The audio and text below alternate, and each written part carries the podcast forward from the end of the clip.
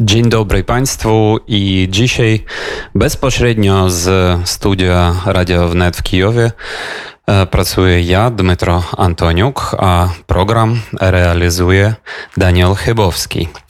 I e, dzisiaj dużo się dzieje i można powiedzieć, że ten dzień jest e, w, e, w, w Ukrainie e, wyjątkowo smutny. I nie tylko w Ukrainie oczywiście, a i w Polsce, ponieważ 83, 83 lata te, temu Trzecia Rzesza napadła na drugą Rzeźpospolitą e, i e, zaczęła się druga wojna światowa na Westerplatte e, w 1 września. No i jak u nas w Ukrainie o tym pamiętamy? Pamiętamy już więcej i więcej ludzi już znają ze szkoły o tym, że wojna druga światowa zaczęła się 1 września 1939 roku. O tym oczywiście każdy Polak zna, ale u nas tak nie było. U nas nadal jeszcze e, jest taka u niektórych ludzi ogólna wiedza, że to była wielka wojna ojczyzniana, tak zwana. Oczywiście to narracja sowiecka i rosyjska, i że zaczyna się ona od ataku e, Niemców na sowiecki sojusz 22 e, czerwca 1941 roku. Jest to kłamstwo oczywiście. E, my e, wiemy i już w naszych szkołach o tym w podręcznikach czytają dzieciaki o tym, że druga wojna światowa jednak zaczęła się 1 września od ataku nacystów na Westerplatte. Ale e, teraz e, idzie e, proces dekomunizacji w Ukrainie albo na Ukrainie. I e, szczególnie na zachodniej Ukrainie, wszędzie te daty, które w każdej, w każdej prawie miejscowości były te pomniki sowieckie z tymi Iwanami, tak zwanymi tymi żołnierzami sowieckimi. I obok tych pomników były wybite daty 1941, 1945. Teraz te daty są zamienione w, w większości, jeszcze nie w większości, ale ta, e, proces trwa i wymieniają te 1941 na 1939. No i głównie e, najważniejsze jest to, że dzieciaki już e, się uczą, że to jest druga wojna światowa i jej początek od 1 września 1939 roku. No a skoro ja e, wspomniałem o dzieciakach, to u nas jest 1, 1 września, jak i w Polsce e, idą dzieciaki, dzieci idą do szkoły. I teraz e, w różnych e, regionach Ukrainy jest to różnie. Jeżeli mówić o moim rodzinnym Kijowie, to mm, jest tak, że dzieci idą do tych uczelni, do tych szkół albo przedszkół, mm, tylko do tych, gdzie są odpowiednie schrony, gdzie e, można schronić się, e, jeżeli jest atak, jeżeli jest e, alarm powietrzny. Ale jeżeli takich schronów nie ma, to mm, takie, taka, taka przedszkoła albo taka szkoła nie przyjmuje jednak dzieciaków i proces nauczania jest online. E, też jest tak, że e, rodzicom tych e, dzieci jest, było pozwolone i jest pozwolono decydować o tym, jaka forma tego nauczania będzie w tym roku dla ich dzieci. Czy jest to forma offline, czyli oni idą bezpośrednio do szkoły, czy jest to online. Z tego co wiem, ja zapytałem u kilku e, moich znajomych, w tym e, u nauczycieli w szkołach e, Kijowa. Jest sytuacja taka, że około 30%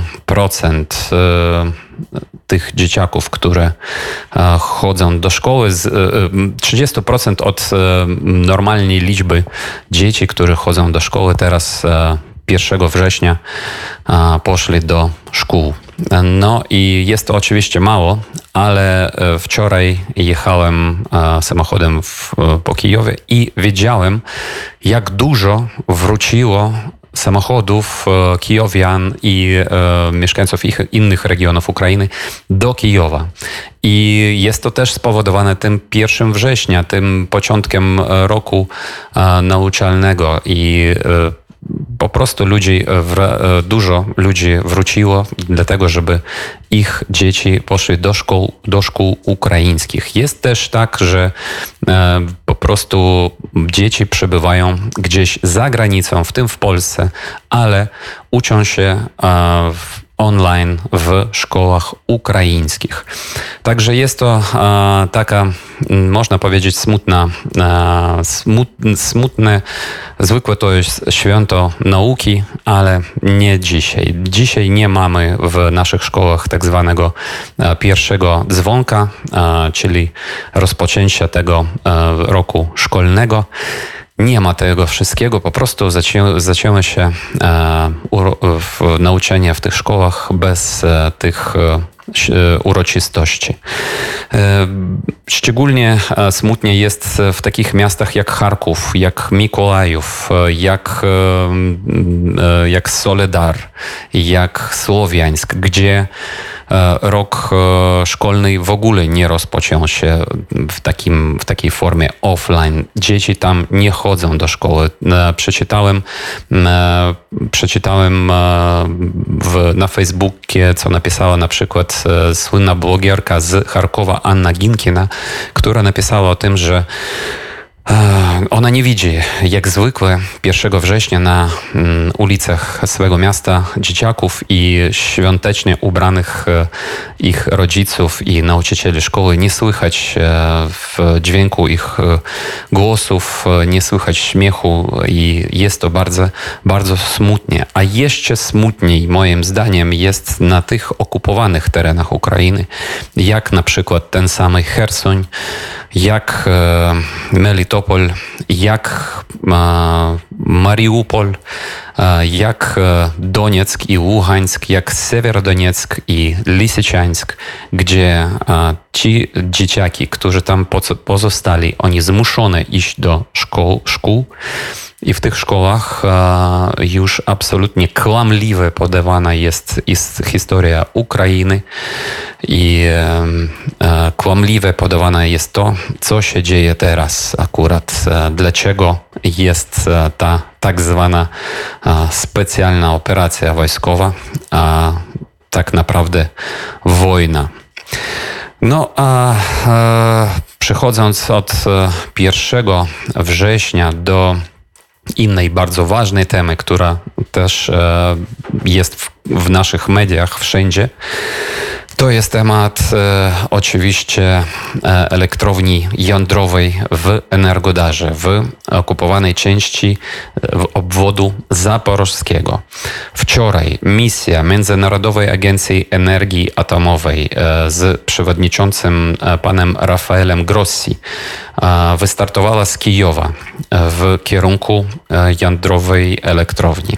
Dzisiaj oni dotarli do Zaporoża i wyjechali wyjechali z Zaporoża, ale te, e, jednocześnie z tym e, od 40.35 zaczął się ostrzał, kolejny ostrzał jak e, elektrowni jądrowej, wobec którego został wyłączony piąty blok tej elektrowni jądrowej i został teraz działającym tylko szósty blok. Ale jednocześnie, jednocześnie z tym zaczął się ostrzał też e, dzielnic mieszkalnych tego e, miasta, które ucierpia już od e, początku marca, od końca lutego. W, już widziałem nawet nagranie, gdzie widać, że nad tym miastem latają co najmniej dwa śmigłowce i e, strzelają w mieszkalne e, domy, e, w wielopiętrowe mieszkalne domy. Wobec tych ostrzałów i ostrzałów też moździerzowych już wiemy, że w Energodarze zginęło cztery osoby i dużo są rannych. W publikach rosyjskich e, piszą, że wojsko ukraińskie z śmigłowców e, zrzuciło desant e, w Energodarze i teraz ten desant jest pod ostrzałem artylerii rosyjskiej. Tak to podają Rosjanie. Na co e, przewodniczący e, e, specjalnej misji Międzynarodowej Agencji Energii, Energii Atomowej Rafael Grossi, Grossi powiedział, że skoro oni już są tak blisko do do elektrowni atomowej, to oni nie wycofają się z tej misji, nie wracają nigdzie, a jadą dalej. Oni wiedzą o tym, że sytuacja jest bardzo groźna, że są ostrzały tego miasta, ale oni e, dalej e, kontynuują swoją misję i próbują za wszelką cenę e, dotarć do Energodaru i do, do elektrowni jądrowej. Ja życzę naprawdę powodzenia tym śmiałym, temu śmiałemu państwu, które tam jedzie. E, przypominam też, że wśród e, przedstawicieli tej specjalnej misji są też przedstawiciele Polski i Litwy. A jeszcze z innej strony, żeby w oczach Rosji to zrównoważyć ten kontyngent tej misji, to tam są też przedstawiciele Serbii oraz Chin. I jest ta grupa złożona z 16, z 16 osób, ta misja, i według e, pana Rafaela Grossi oni mieliby być w, e, na terenie e, tej jądrowej elektrowni trzy, co najmniej trzy dni. Wszystko obserwując. I natomiast rosyjska strona powiedziała, a, a szczególnie e, mianowicie okupanci, e, kolaboranci okupantów, czyli zdrajcy ukraińcy, ukraińscy, e, ukraińskie, które przedstawiają tam władzę okupacyjną, powiedzieli, że nie, że po pierwsze oni nie wydają specjalnego pozwolenia na przyjazd dla tej misji Międzynarodowej Agencji Energii Atomowej i misja ta musi stać w kolejce, w zwykłej kolejce e, pod miejscowością Wasyliwka, gdzie jest teraz przejście, e, no, można tak powiedzieć, graniczne między okupowanym terenem oraz zwykłym, oraz terenami kontrolowanymi przez wojsko ukraińskie. I dwa, że e, ta misja będzie w Energodarze nie więcej jak tylko jeden dzień.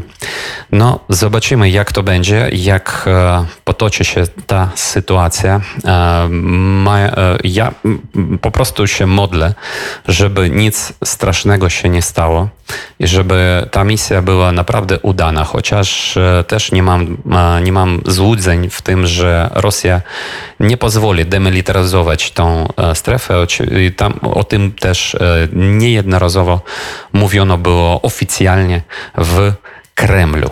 No i e, skoro jesteśmy e, na tym południu, skoro jest rozmowa o południowej części Ukrainy, to oczywiście trzeba wspomnieć o tej kontrofensywie sił zbrojnych Ukrainy, która jest w obwodzie hersońskim na prawym brzegu Dniepru.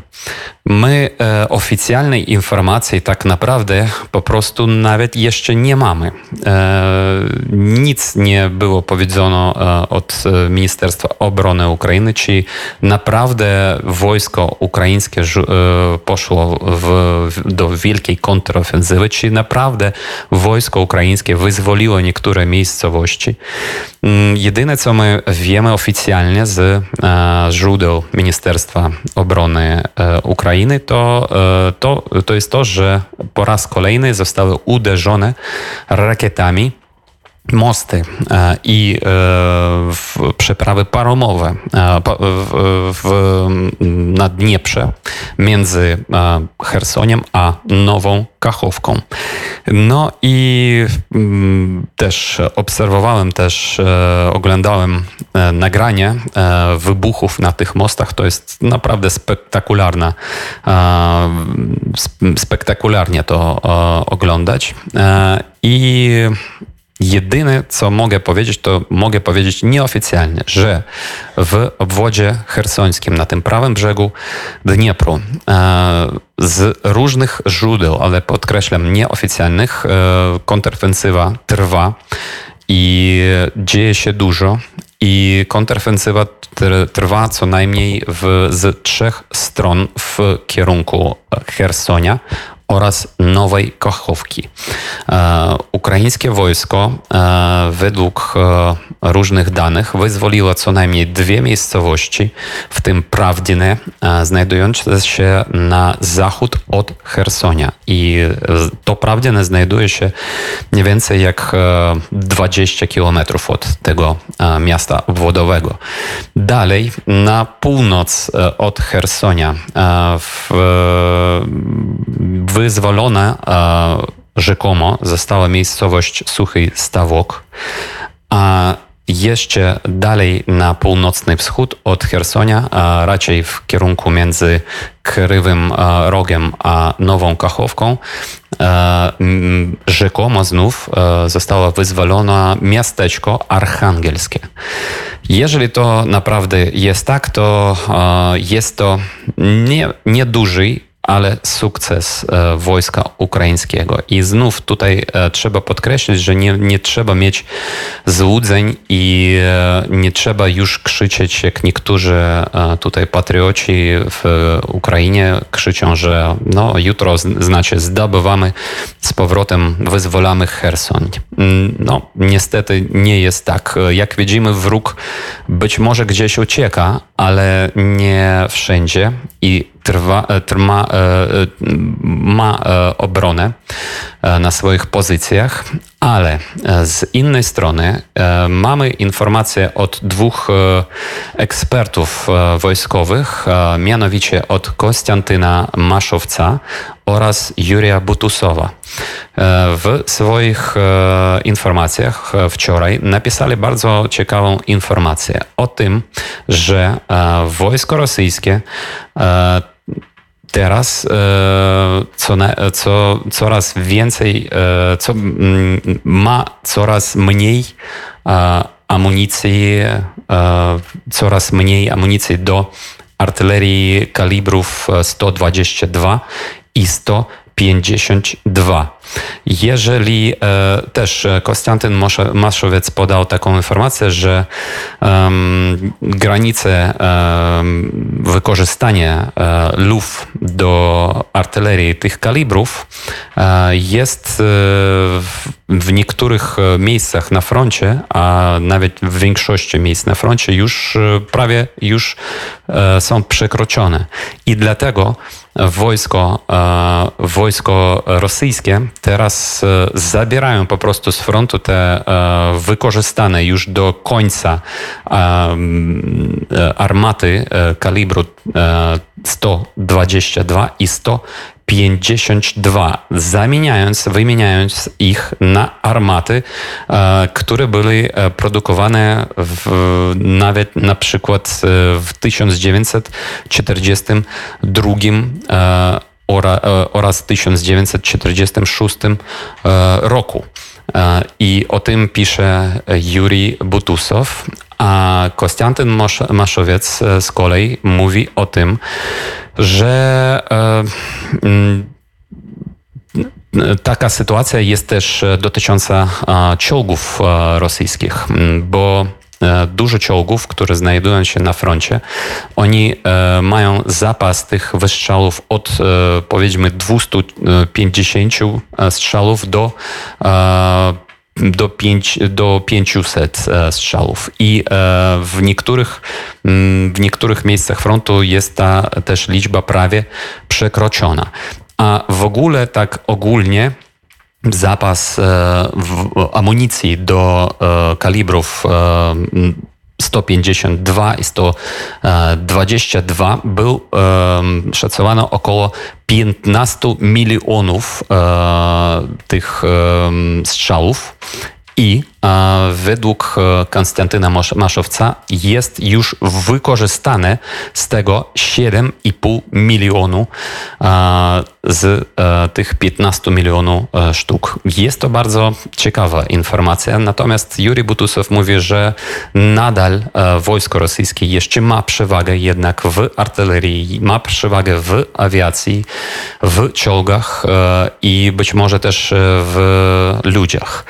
Ale jeżeli sytuacja potoczy się dalej tak jak e, teraz, to za pewien czas e, i być może mm, nie będzie to długo, e, nastąpi parytet i to otwiera, otwiera po prostu możliwości dla wojska ukraińskiego, dla już wielkiego kontrnatarcia i być może nie tylko na południu. No i oby tak było. No i jeszcze bardzo ważny, ważny, ważny temat e, to jest e, to, że wczoraj e, zmarł Michail Gorbaczow, czyli generalny sekretarz ZSRR. I jest to bardzo kontrowersyjna postać w oczach różnych ludzi i różnych państw. Ona występuje różnie. E, u nas e, nie ma też e, takiego konsensusu, chociaż dla mnie jest to oczywiście, że on był po prostu zwykłym, można nawet powiedzieć, nie, no niezwykłym, ale zbrodniarzem partii komunistycznej Związku Radzieckiego. Natomiast dla takich państw jak jak Stany Zjednoczone i szczególnie dla Niemiec jest to w ogóle bohater. I teraz tam e, w, po prostu no, laudacje e, mówią dla Michaiła Gorbaciowa. No być może tak i było, chociaż e, trzeba trzezwo patrzeć na jego działalność. I ja jestem przekonany w tym, że po prostu on był zwykłym funkcjonariuszem, takim z krwi i kości funkcjonariuszem partii komunistycznej e, Związku Radzieckiego i próbował za wszelką cenę ocalić e, to państwo, Związek Radziecki. I e, to, co on robił dla e, demokracji e, w całym świecie, to nie było jego, jego chęcią i jego marzeniem w ogóle. Po prostu sytuacja gospodarki w Związku Radzieckim, szczególnie pod koniec lat 80., była na tyle tragiczna, że po prostu u Gorbaczowa nie było innego wyjścia, jak działać w taki, a nie inny sposób.